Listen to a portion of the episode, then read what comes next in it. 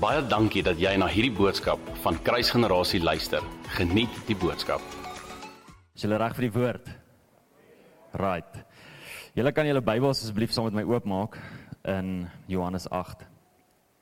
As jy nou vir 'n rukkie hierso is by ons dan weet jy dat ek besig is met 'n reeks waar Jesus die stelling maak ek is. Um ons het nog net een gedoen, so vandag is die tweede keer, so jy het daarom nog nie te veel gemis nie. Maar vandag se se stelling gaan oor die stelling wat Jesus gemaak het in Johannes 8. Ek is die lig van die wêreld. So twee weke terug het ek gesels van die feit dat hy gesê het ek is die brood van die lewe.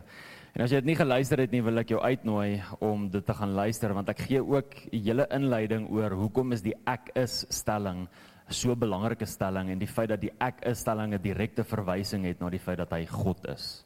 Nie net mens is nie, dat hy God is en ten volle God is. Um en dat dit doen dit met sy karakter. En vandag gaan ons 'n bietjie gesels oor ek is lig. So in Johannes 8 vers 12 staan daar die volgende. Kom ek lees vir julle. En Jesus het weer met hulle gespreek en gesê ek is die lig van die wêreld. Wie my volg, sal sekerlik in die duister nie in die duisternis wandel nie, maar sal die lig van die lewe hê. Familie, ek wil jou uitnooi vanoggend om regtig notas te maak en neer te skryf. Daar gaan 'n hele paar skrifgedeeltes wees wat ek wil verduidelik. Die idee is om die die die persoonlikheid en karakter van wie Jesus is na vore te kom en te bring en en hoe dan beter as om stil te staan by wie hy gesê het hy is. Kom ons bid gou saam. Heilige Gees, dankie dat U die een is wat die skrif ingegee het, geïnspireer het, geblaas het. En ons bid vanoggend, Here, dat U weer vanoggend die woord sal kom oopbreek opnuut vir elke hart of hy verhard is of hy vol godsdienstigheid is of hy dalk afgedwaal het dat elke hart vandag in hierdie plek die woord van die Here sal verstaan en begryp. Ons bid vir vrugbare grond vanoggend. In Jesus naam. Amen. Wat 'n voorreg om te kan sien. Wat 'n voorreg om te kan kyk. Wie van julle weet dat dat ons nou al ek het nou al en ek is seker jy ook het regtig al 'n paar amazing goed gesien in ons lewens. Ja, ek het al mooi goed gesien in my lewe. Ek het al mooi natuurplekke gesien in my lewe. Ek het al mooi mense gesien in my lewe. Ek het die mooiste mense op die aarde getrou. So ek het ek het al mooi goed gesien in die lewe. Weet julle wat dat as dit nie was vir lig nie, sou nie een van ons kon sien nie. Dis as gevolg van lig dat ons kan sien. In die oomblik wanneer Jesus kom en hy verklaar die volgende, hy sê ek is die lig van die wêreld, is hierdie die verklaring wat hy maak dat deur hom en as gevolg van hom ons alles kan sien. Amazing grace, how sweet the sound that saved a wretch like me. I once was lost but now I'm found. Was blind but now I see. Sonder Jesus Christus is ons almal blind. Sonder Jesus Christus is dit onmoontlik vir ons om die nut van die wêreld en die nut van die lewe te sien. Ons het Jesus nodig om te kan sien waaroor die lewe gaan en dis Jesus wat dit vir elke een van ons moontlik maak om juis te kan sien. Hoekom? Want hy is die lig van die wêreld. Die baie bekende skrywer C.S. Lewis, hy het natuurlik die Chronicles of Narnia byvoorbeeld geskryf en 'n voormalige ateïs. Hy was 'n ateïs gewees voordat hy in Christus begin glo het. Hy het die volgende gesê. Hy het gesê I believe in Christianity as I believe that the sun has risen. Not only because I see it. Nie net omdat hy die son sien nie. Not only because I see it, but because by it I see everything. Is dit nie 'n mooi beskrywing ook van wie Jesus Christus is nie? Nie net omdat ons hom sien nie, maar as gevolg van die feit dat as gevolg van hom en deur hom ons alles kan sien.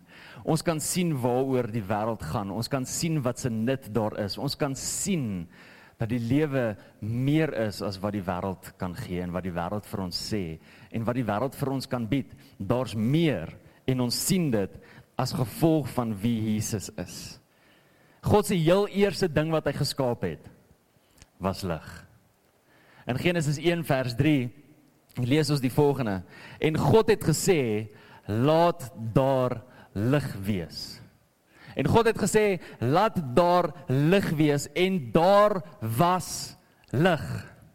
Onmiddellik was daar lig gewees toe God hierdie woorde gespreek het. En vers 4 sê en toe sien God dat die lig goed was. Ek wil vandag vir jou sê dat lig nooit sleg kan wees nie.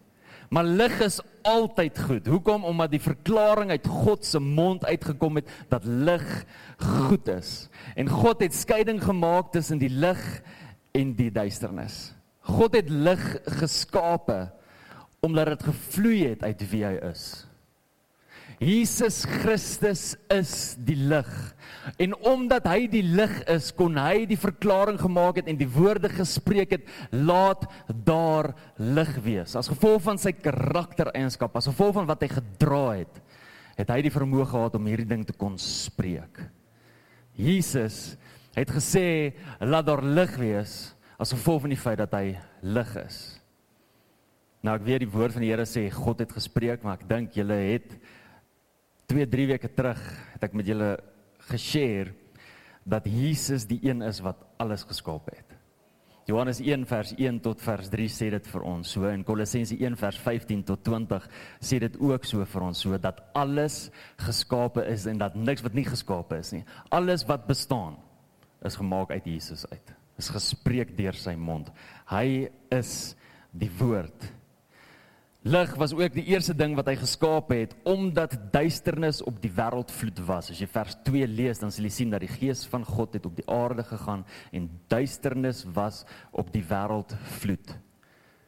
So God kom en hy sien duisternis is op die wêreld vloed en hy maak 'n verklaring. Hy sê laat daar lig wees en daar was lig duidelike verwysing is die volgende die oor die oomblik toe God gesê het laat daar lig wees en daardie oomblik was daar geprofeteer was daar verklaar dat lig altyd bo duisternis sal wees en dat duisternis altyd onderhewig en onderdanig sal wees aan lig. Altyd. Altyd. Voel of ek dit moet beklemtoon vanoggend Dit beteken dat duisternis van toe af tot nou en tot in ewigheid onderdanig sal wees aan lig. Ons het lig nodig om te kan sien. Ons het lig nodig om te kan sien. Maar God skep lig as 'n verklaring dat hy reeds alles gesien het. Het jy gehoor wat ek sê? Ons het lig nodig om te kan sien. God skep lig as 'n verklaring dat hy reeds alles gesien het. En omdat hy alles gesien het, kom hy en skaap hy lig sodat ons ook kan sien wat hy gesien het. Voordat daar lig was, het God die berge gesien. Voordat daar lig was, het God die bome en die voëls en die mens gesien. Voordat daar lig was, het God gesien dat daar 'n sondeval gaan wees. Voordat daar lig was, het God gesien dat daar 'n lam gaan wees wat geslag gaan wees voor die grondlegging van die aarde, volgens Openbaring 12. God het alles gesien voordat daar lig was en omdat hy alles gesien het, het hy lig gemaak sodat ons ook alles kan sien. Voordat lig bestaan het, het God jou gesien voordat lig bestaan het, ken hy jou naam. Weet hy hoekom jy hier is? Weet hy hoekom hy jou gemaak het? God is lig en ons het lig nodig. Johannes maak 'n amazing verklaring oor lig in Johannes 1 vers 5. Johannes 1 vers 5 sê die volgende: En die lig skyn in die duisternis en die duisternis het dit nie oorweldig nie en die lig skyn in die duisternis en die duisternis het dit nie oorweldig nie. Nou hoor gou mooi familie, ek moet vir julle hierdie volgende verduidelik. Ek die die Griekse woord vir die woord oorweldig het drie verskillende betekenisse wat maak dat hierdie skrifgedeelte in drie verskillende maniere gelees kan word en ek wil gou vir julle oopbreek sodat julle kan sien wat sê Johannes hier die oomblik toe hy hierdie verklaring maak. So die die Griekse woord vir die woord oorweldig is die woord katalambano. Katalambano. Katalambano. En dit beteken die volgende goeie. As jy reg, daar's 3. Hier is die eerste een. Die eerste ding wat hierdie katalambano beteken, die betekenis van hierdie Griekse woord is om te gryp, om vas te hou of om te oorwin. So die vers kon so gelees het. Hoor, hierdie is hoe die vers kon gelees het. Die duisternis kon die lig nie beheer nie. Wat 'n amazing verklaring is om te maak. Wat vir my die volgende sê, is dat God se plan geseëvier het en dat die duisternis vir geen oomblik God se plan in 'n rigting kon indruk, God se plan kon verander nie, God se plan kon kon 'n komma voor insit of 'n punt voor insit of 'n uitroepteken voor insit nie. Die duisternis het geen invloed op God se plan gehad nie. Niks. Amazing verklaring wat hy hier maak.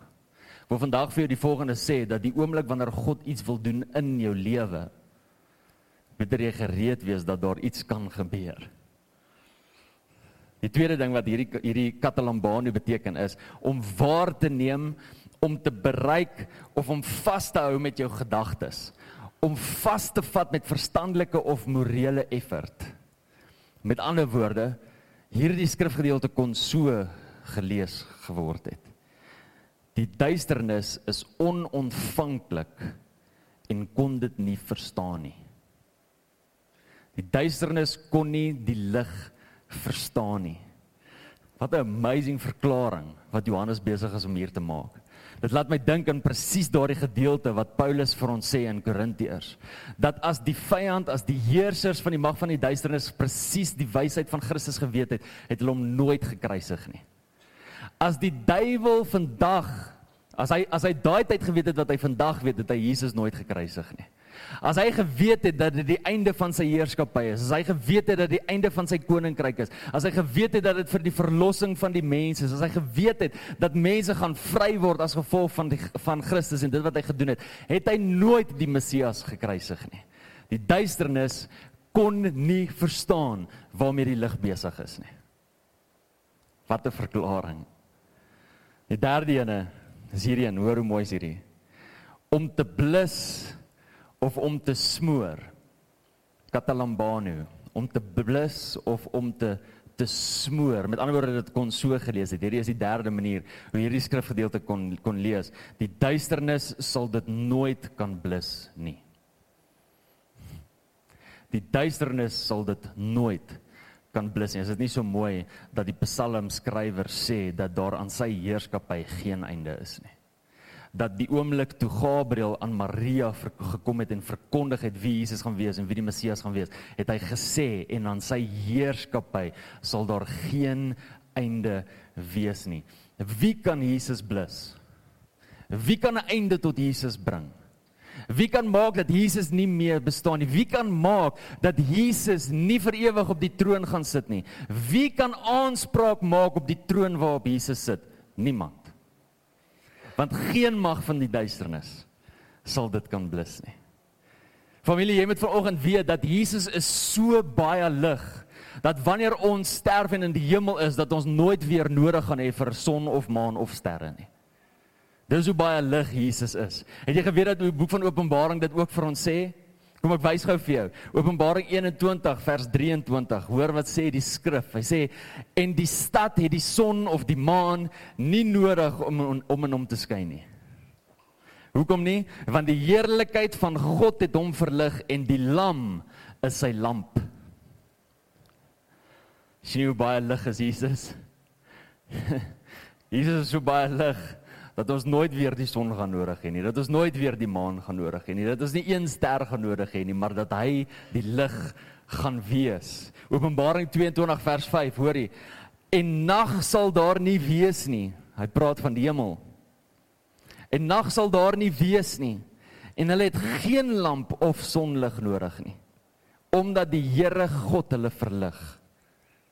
En hulle sal as konings regeer tot in alle ewigheid. Jesus, joh, kan ek net eers sê as dit jou nie opgewonde maak nie, dan weet ek nie. Dis 'n amazing, amazing openbaring van wie Jesus is. Weet jy dat die oomblik wanneer jy vir hom kyk, dan kyk jy vir die een wat nie geblus kan word nie. Weet jy dat die oomblik wanneer jy vir hom kyk, dan kyk jy vir die een wat helderder skyn as die son en die maan en al die sterre bymekaar gesit. Hy skyn helderder as dit. Dis vir wie jy kyk. Weet jy dat as jy vir hom kyk dat daar vir ewig lig gaan wees wat nooit uitgebrand gaan wees nie en dat dit nie eens nodig is vir 'n son, 'n maan of 'n ster nie. Dis vir wie jy kyk. Dis wie jy dien, dis wie jy aanbid, dis vir wie jy lief is en meer as dit, dis vir wie hy hy het jou lief.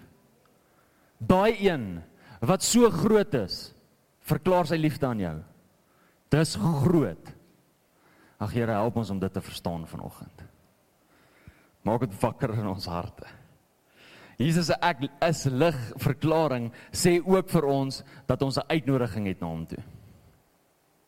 Ons het 'n uitnodiging na hom toe. Vind hou van die bos. Ek kyk, ek is mal oor die bos. Die bos is ongelooflik lekker. Ons is mal oor om bietjie wildtuin toe te gaan of selfs daar in Marlof te bly en en uh, en regtig te gaan kyk na die diere en al die goedjies. Maar as jy in die somer gaan, is dit 'n ander ervaring as in die winter. Nie net as gevolg van die hitte nie, maar as gevolg van al die goggas wat jy beleef. In die somer, as jy lig aansit, bewaar jou siel want dan is dit muskiete en is goggas en is allerlei ander goggas en kort kort is my vrou aan die gegil as gevolg van iets wat daar is wat daar uitfriek. En ek moet sê dit friek my ook so 'n bietjie uit maar ek maak net of ek man is en dan jy weet gaan nou hierdie dinge uitsorteer. Maar die gogga is getrek na die lig toe. Familie kan ek vir jou 'n dood eerlike vraag vra vir oggend. Is ek of jy? Is ek enigsins meer as 'n gogga wat getrek was deur lig en toegelaat het dat hierdie lig my hele lewe en my hele alles kan kom verander sodat ek nie meer 'n gogga is nie. Daar's uitnodiging wanneer die lig skyn om na die lig toe te gaan.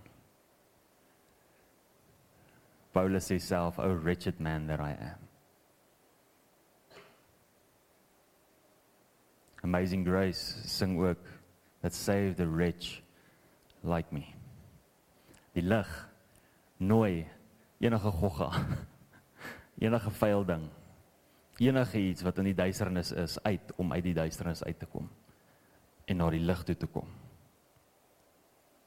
Kolossense 1 vers 13 tot 14 sê hy wat ons verlos het uit die mag van die duisternis en oorgebring het in die koninkryk van die seun van sy liefde.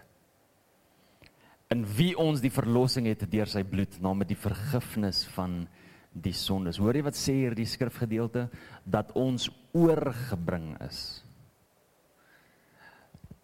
Wie verstaan dat die oomblik wanneer jy oorgebring is na 'n nuwe koninkryk toe dat jy eers aan iets anders behoort het? Nou dat ons aan Christus is, behoort ons nie meer aan die ander koninkryke nie. Ons behoort nie meer aan die duisternis nie. Ons is oorgebring om te lewe in die lig as gevolg van die verlossing, as gevolg van die bloed van die lam, waarin daar vir ons vergifnis is.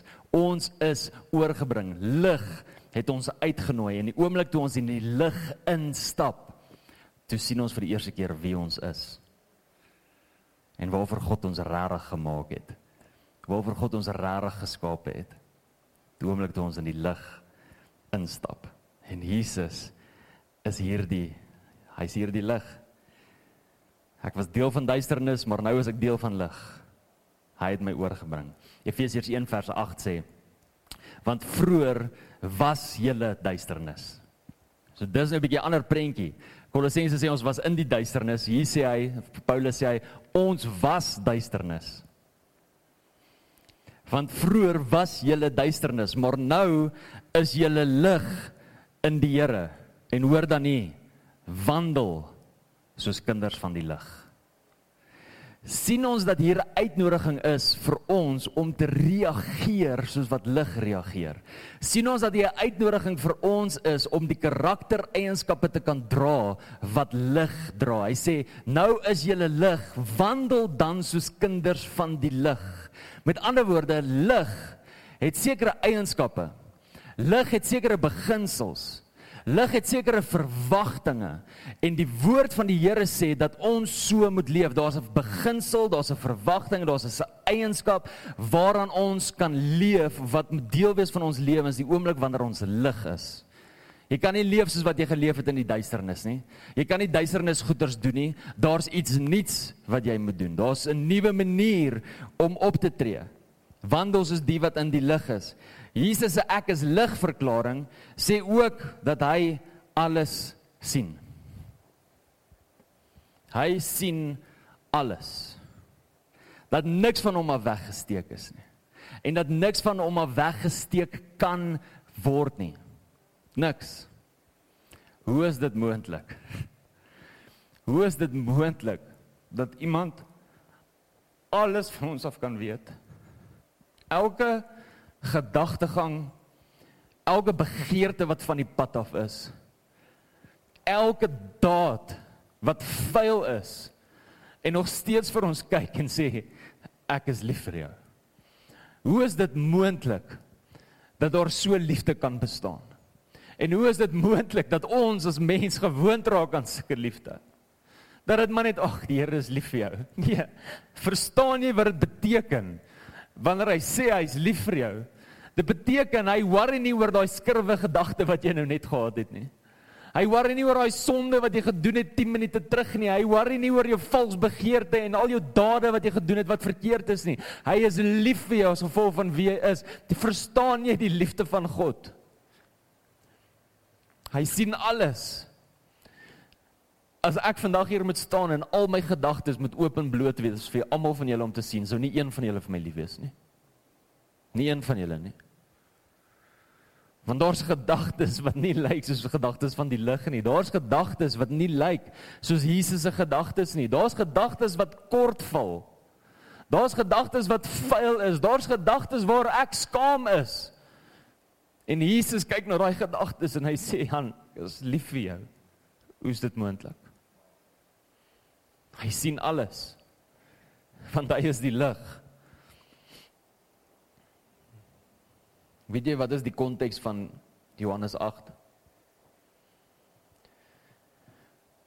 Wat is die heel eerste reël van skrifuitleg? Kom familie, ons het hierdie al vir julle geleer, want jy moet die skrif kan uitlê. Wat is die heel eerste reël van skrifuitleg? Konteks is die heel eerste reël van skrifuitleg. Die konteks van hierdie gedeelte is die vrou wat gevang is in oorspel. Dis die konteks van die gedeelte. Die Fariseërs vang hier die vrou in oorspel in 'n adultery vir die wat nie oorspel verstaan nie. Hy vang hier die vrou in 'n adultery en oorspel. Hulle bring hom haar voor Jesus en hulle sê presies vir hom wat die wet sê nou met haar moet gebeur en dan wag hulle om te kyk hoe gaan hy dit hanteer. En julle ken die hele verhaal. Ek wil nie oor daai gedeelte praat nie. Ons ken die hele verhaal en ons weet dat Jesus vir hulle sê, "Laat die een wat sonder sonde is, die eerste klip optel." En niemand gaan weg nie en die enigste een wat sonder sonde is wat die reg gehad het om haar te gooi, tel nie 'n klip op nie. En terwyl sy opstaan, sê hy vir haar, "Gaan en sondig nie meer nie." En dan draai hy om na almal wat weggeloop het en hy sê vir hulle, "Ek is die lig van die wêreld." Dis die konteks. sien jy hoe belangrik is hierdie? Kan ek vir die volgende leer? Godsdienstigheid probeer sonde na die lig toe bring sodat hierdie sonde aangekla kan word, beskuldig kan word en selfs bestraf kan word. Dis die hele gedagte. Hoekom hierdie godsdienstige sektor hierdie vrou, hierdie dame na Jesus toe bring sodat sy gestraf kan word, sodat sy beskuldig kan word. Dis wat godsdienstigheid wil doen. Dis hoekom jou mind soveel keer vasgevang is binne in jou sonde en nie na die Here toe wil hardloop nie, want jou raamwerk is dat jy gestraf gaan word die oomblik wanneer jy soontoe gaan, want dis 'n godsdienstige manier van dink gedryf deur fariseërs in daardie tyd. En die oomblik, wie is die een wat lig is? So wie is die een wat hierdie sonde moet uitbring? Jesus. Hier kom hierdie godsdienstige mense en hulle lig sonde uit. En nou verwag hulle dat lig moet deel met hierdie sonde. Straf haar, Here. Moses sê ons moet haar stenig, straf haar. Gooi haar met 'n klip. Sorteer haar uit. En Jesus deel nie so met haar nie. Jy sien godsdienstigheid wil die heeltyd beskuldig, maar lig wil versoen. Lig wil herstel. Lig wil jou hoor roep, wil jou nader roep. Lig wil jou roep om anders op te tree, om anders te dink. Hoor wat sê Jesus? Want ek gaan vir jou lees. Vers 11 En sy antwoord hom niemand. Niemand van haar beskuldigers daar nie, niemand veroordeel haar meer nie, niemand is oor nie. Vers 11. En Jesus sê vir haar: Ek veroordeel jou ook nie.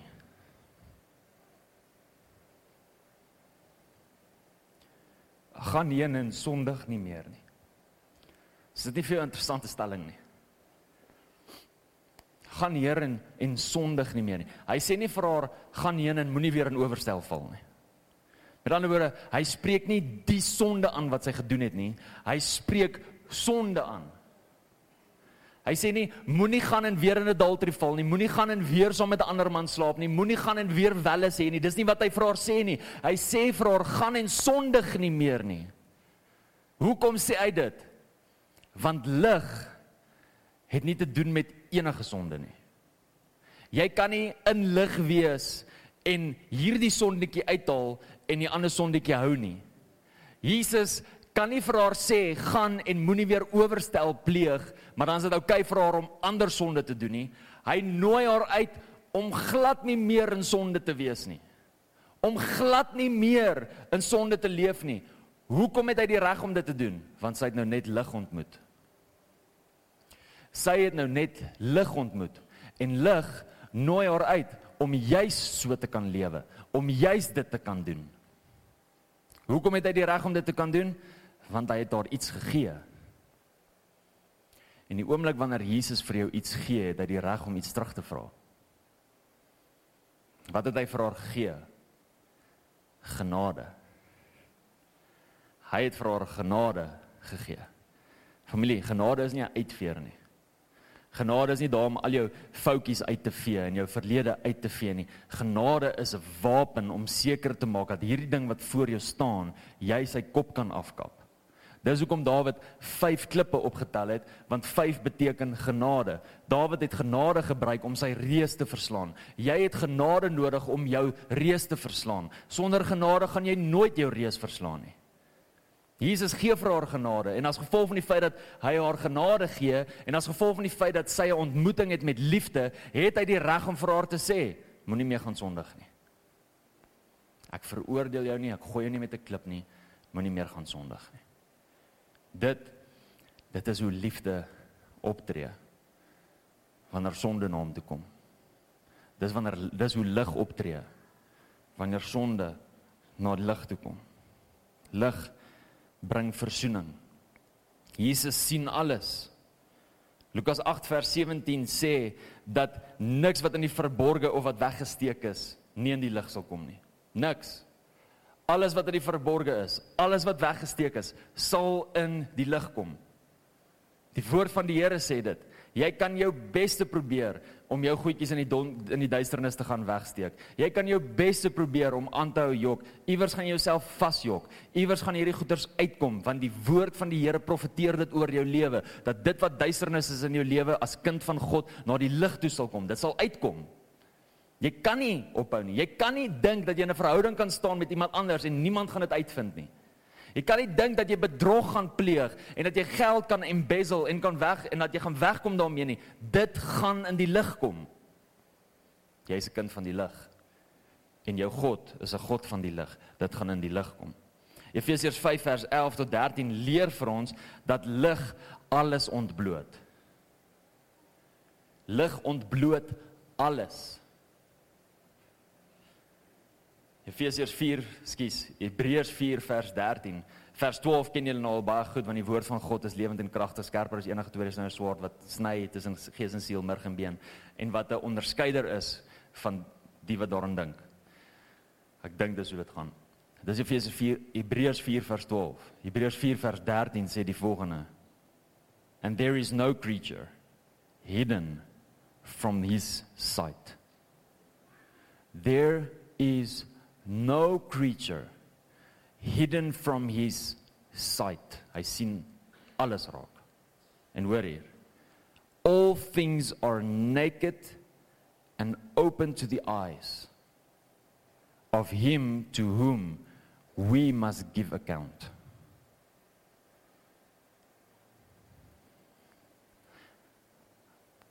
As hierdie skrif nie die vrees van die Here in jou hart wakker maak, is jou hart verhard. Almal van ons gaan voor hom staan wat alles sien en rekenskap gee. To whom we must give account of our lives. Jy gaan antwoord op jou gedagtes. Jy gaan antwoord op jou begeertes. Jy gaan antwoord op elke daad, elke ding wat jy gedoen het, elke ding wat jy na jy gaan antwoord daarvoor. Jy gaan voor God staan en jy gaan antwoord daarvoor. En omdat hy alles sien en alles weet, gaan jou verskonings wat jy hier op aarde het nie werk daar nie. Want jy kan nie 'n verskoning van leen bring na dit wat in die lig is nie. Dit gaan nie werk daar nie. Verstaan jy hoekom het jy sy genade nodig? V verstaan jy hoekom jy nodig dat hierdie God jou liefhet? Verstaan jy hoekom hy jou moet nuut maak? Verstaan jy hoekom jy sy genade nodig het? Want want ek gaan voor hom staan. Jan Matthysен gaan voor hom staan en vir hom moet sê, "Hoekom het ek daai ding gedink? En hoekom het ek so opgetree? En hoekom het ek daai daad gehad? En hoekom het ek dit hier gemis en hier nie iemand gehelp waar ek kon help nie? En ek weet ek moes gehelp het, maar ek het nie gehelp nie. Hoekom nie? Ek gaan rekenskap gee vir dit. Maak dit jou nie bang nie? Bring dit nie 'n goddelike vrees by jou nie? Nee, maar jy glo nie dit nie.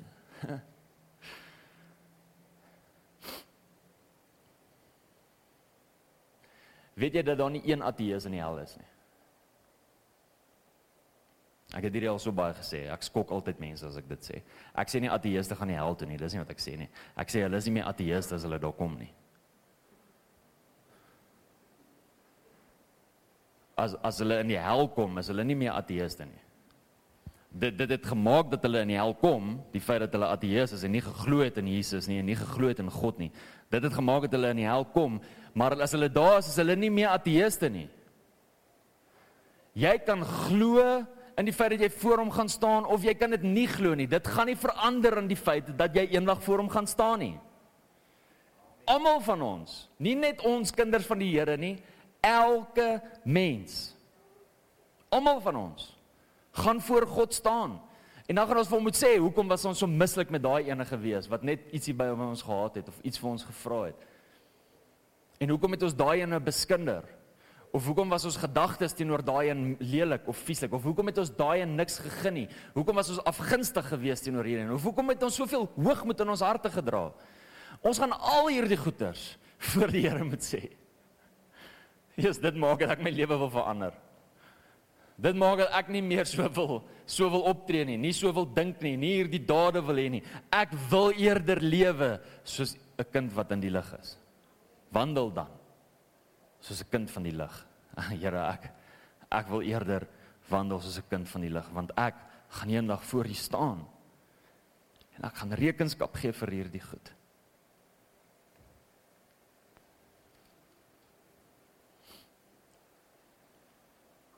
My laaste skrif. 1 Johannes 1 vers 5 tot 7. Doen jouself 'n guns, gaan lees bietjie 1 Johannes. En dan sal jy sien wat hy daar ook sê, hoe mense wat in die lig is veronderstel is om op te tree, want hy sê moenie dink dat jy in die lig is maar jy haat jou broer nie. Dit dit beteken vir julle susters ook, hoor. Ek wil net dit ook by sê. Moenie moenie dink dat jy in die lig is maar jy haat jou suster nie. En dit beteken nie bloedsuster nie. Ek wil net vir julle dit ook sê. Moenie dink dat jy in die lig is en jy beskinder daai dame nie. Moenie dink dat jy in die lig is en jy beskinder daardie man nie. Moenie dink dat jy in die lig is en jy praat sleg van hierdie persoon of jy dra iets in jou hart teenoor daai persoon nie. Moenie dink dat jy in die lig is nie. Gaan lees 1 Johannes. Maar vers 5 sê die volgende, 1 Johannes 1 vers 5. En dit is die verkondiging wat ons van hom gehoor het en aan julle verkondig. God is lig en geen duisternis is in hom nie. Daar's niks duisternis in God nie. Daar's nie eers bedrog in sy hart teenoor jou nie. Sy hart teenoor jou is skoon, sy gedagtes teenoor jou is mooi, sy drome teenoor jou is mooi. Daar's niks duisternis in God nie. As ons sê dat ons met hom gemeenskap het en in die duisternis wandel, dan lieg ons en doen ons nie die waarheid nie. Ek ek moet net daai gedeelte weer lees. Vers 6. Dis baie van ons wat hierdie moet hoor. Ek moet hierdie hoor. As ons sê dat ons met hom gemeenskap het en in die duisternis wandel. As ek as ek sê dat ek gemeenskap het met die lig, maar ek tree nie op soos wat die lig wil hê ek moet optree nie. Ek ek dra nie die eienskappe van lig nie. Ek ek lewe nie soos wat die lig veronderstel is om te lewe nie, maar ek duis wandel in die duisternis, dan lieg ek. En dan is die waarheid nie in my nie. Vers 7: Maar as ons in die lig wandel soos hy in die lig is, dan het ons gemeenskap met mekaar.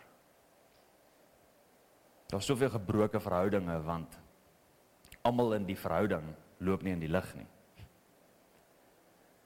Wanneer ons in die lig is, soos hy in die lig is, dan het ons gemeenskap met mekaar. En die bloed van Jesus Christus, sy seun, reinig ons van alle sonde. Hoekom is die woord sonde in hierdie hele gedeelte inge, ingesit? Want lig wys sonde uit. Maar lig deel anders met sonde as wat godsdienstigheid deel met sonde. Lig nooi jou uit om nie meer so te lewe nie, maar om te lewe volgens lig. Dis wat Jesus doen. Hy wil jou vrymaak. Hy wil jou vrymaak van die magte van die duisternis. Hy wil jou vrymaak van hoe duisternis lewe, hoe duisternis is, hoe duisternis optree, die karaktereienskap van duisternis. Hy wil jou vrymaak van dit. En hy wil hê jy moet lewe soos lig. Dis die uitnodiging. Ek is die lig van die wêreld. Jesus, nie ek nie. Jesus, ek is die lig van die wêreld. Dis uitnodiging vir ons vanoggend, familie. Dis uitnodiging. O, oh, hier's herinnering vanoggend met wie ons te doen het. Wie ons aanbid en met wie ons in verhouding staan, vir wie ons gesing het vanoggend. Dis uitnodiging vanoggend. Ek is die lig van die wêreld, wie my volg sal sekerlik nie in die duisternis wandel nie, maar sal die lig van die lewe hê. Duisternis het nie die reg om in my lewe te wees nie. Ek kan nie lewe so soos die lewe van die duisternis nie. Moet lewe soos lig, want Jesus is lig. Kom ek bid vir ons. Here, die oomblik wanneer ons stil staan by hierdie waarheid kom ons agter hoe baie ons dit nodig het. Die openbaring van die lig wys vir ons hoe baie ons die lig nodig het. Hoe baie ons die liefde nodig het, hoe baie ons die genade nodig het want ons val kort. For all have fallen short of the glory of God. Ons val kort, Here. Maar ons prys hier vir die feit dat ten spyte van die feit dat ek kort val, U my nie daar los nie, U my nie afskryf nie, U nie van my vergeet nie, maar dat U my konstant uitnooi na woord toe, dat U my konstant uitnooi om in lig te wees en volgens lig te wandel, dat U my uitnooi om my my my denke wat in die duisternis is, my dade wat in die duisternis is, my begeertes wat in die duisternis is, daar te los en te kom lewe soos iemand in die lig. En Heilige Gees, ek bid hierdie vanoggend dat U almal van ons wat vandag in hierdie plek is, vir hom wat geluister het, vir hom wat nie geluister het nie, selfs vir hom wat geslaap het in die diens vanoggend. Here dat u gees vandag sal kom wakker maak. Die woord van God in ons harte. U woord is lewend en kragtig. Daar is nie 'n ander woord wat lewend is en wat kragtig is nie. U woord is en ek bid dat u woord vandag sal kom sny. Ek bid dat u woord vandag in ons lewens iets sal kom doen. Dat hierdie saad sal spruit in die naam van Jesus dat ons heilig sal lewe voor U. Dat ons in die lig sal wandel. Dat ons sal wandel soos iemand, kinders van die lig. En dat ons altyd sal weet ons uitnodiging vir ons, Here. Ons uitnodiging vir ons. Ons eer U vir die feit dat U lig is. en ons eer U vir die genade. Here, U is so groot. U is so groot. My verstand kan nie begryp hoe groot U is nie, Here. Nie eens my geloof kan begryp hoe groot U is nie. U is so groot. En ek kan nooit op 'n plek wees waar ek verveeld raak met U nie. Nooit op 'n plek wees waar ek verveeld raak met die openbaring van wie Jesus Christus is nie. Daar's altyd meer, daar's altyd groter, daar's altyd invitation. En Heilige Gees hou aan om ons uit te nooi, hou aan om oop te breek, hou aan om vir ons meer te wys van die koning van alle konings, die een wat vir ewig gaan heers, die een aan wie ek rekenskap gaan gee, die een vir wie ek gaan staan, die een vir wie ek nou staan, die een wat my liefhet. Ons wil lewe waardig tot U, Here. Ons eer U daarvoor. In Jesus naam. Amen. Baie dankie dat jy na hierdie podcast geluister het. Indien jy die boodskap geniet het, deel hom asseblief met jou vriende.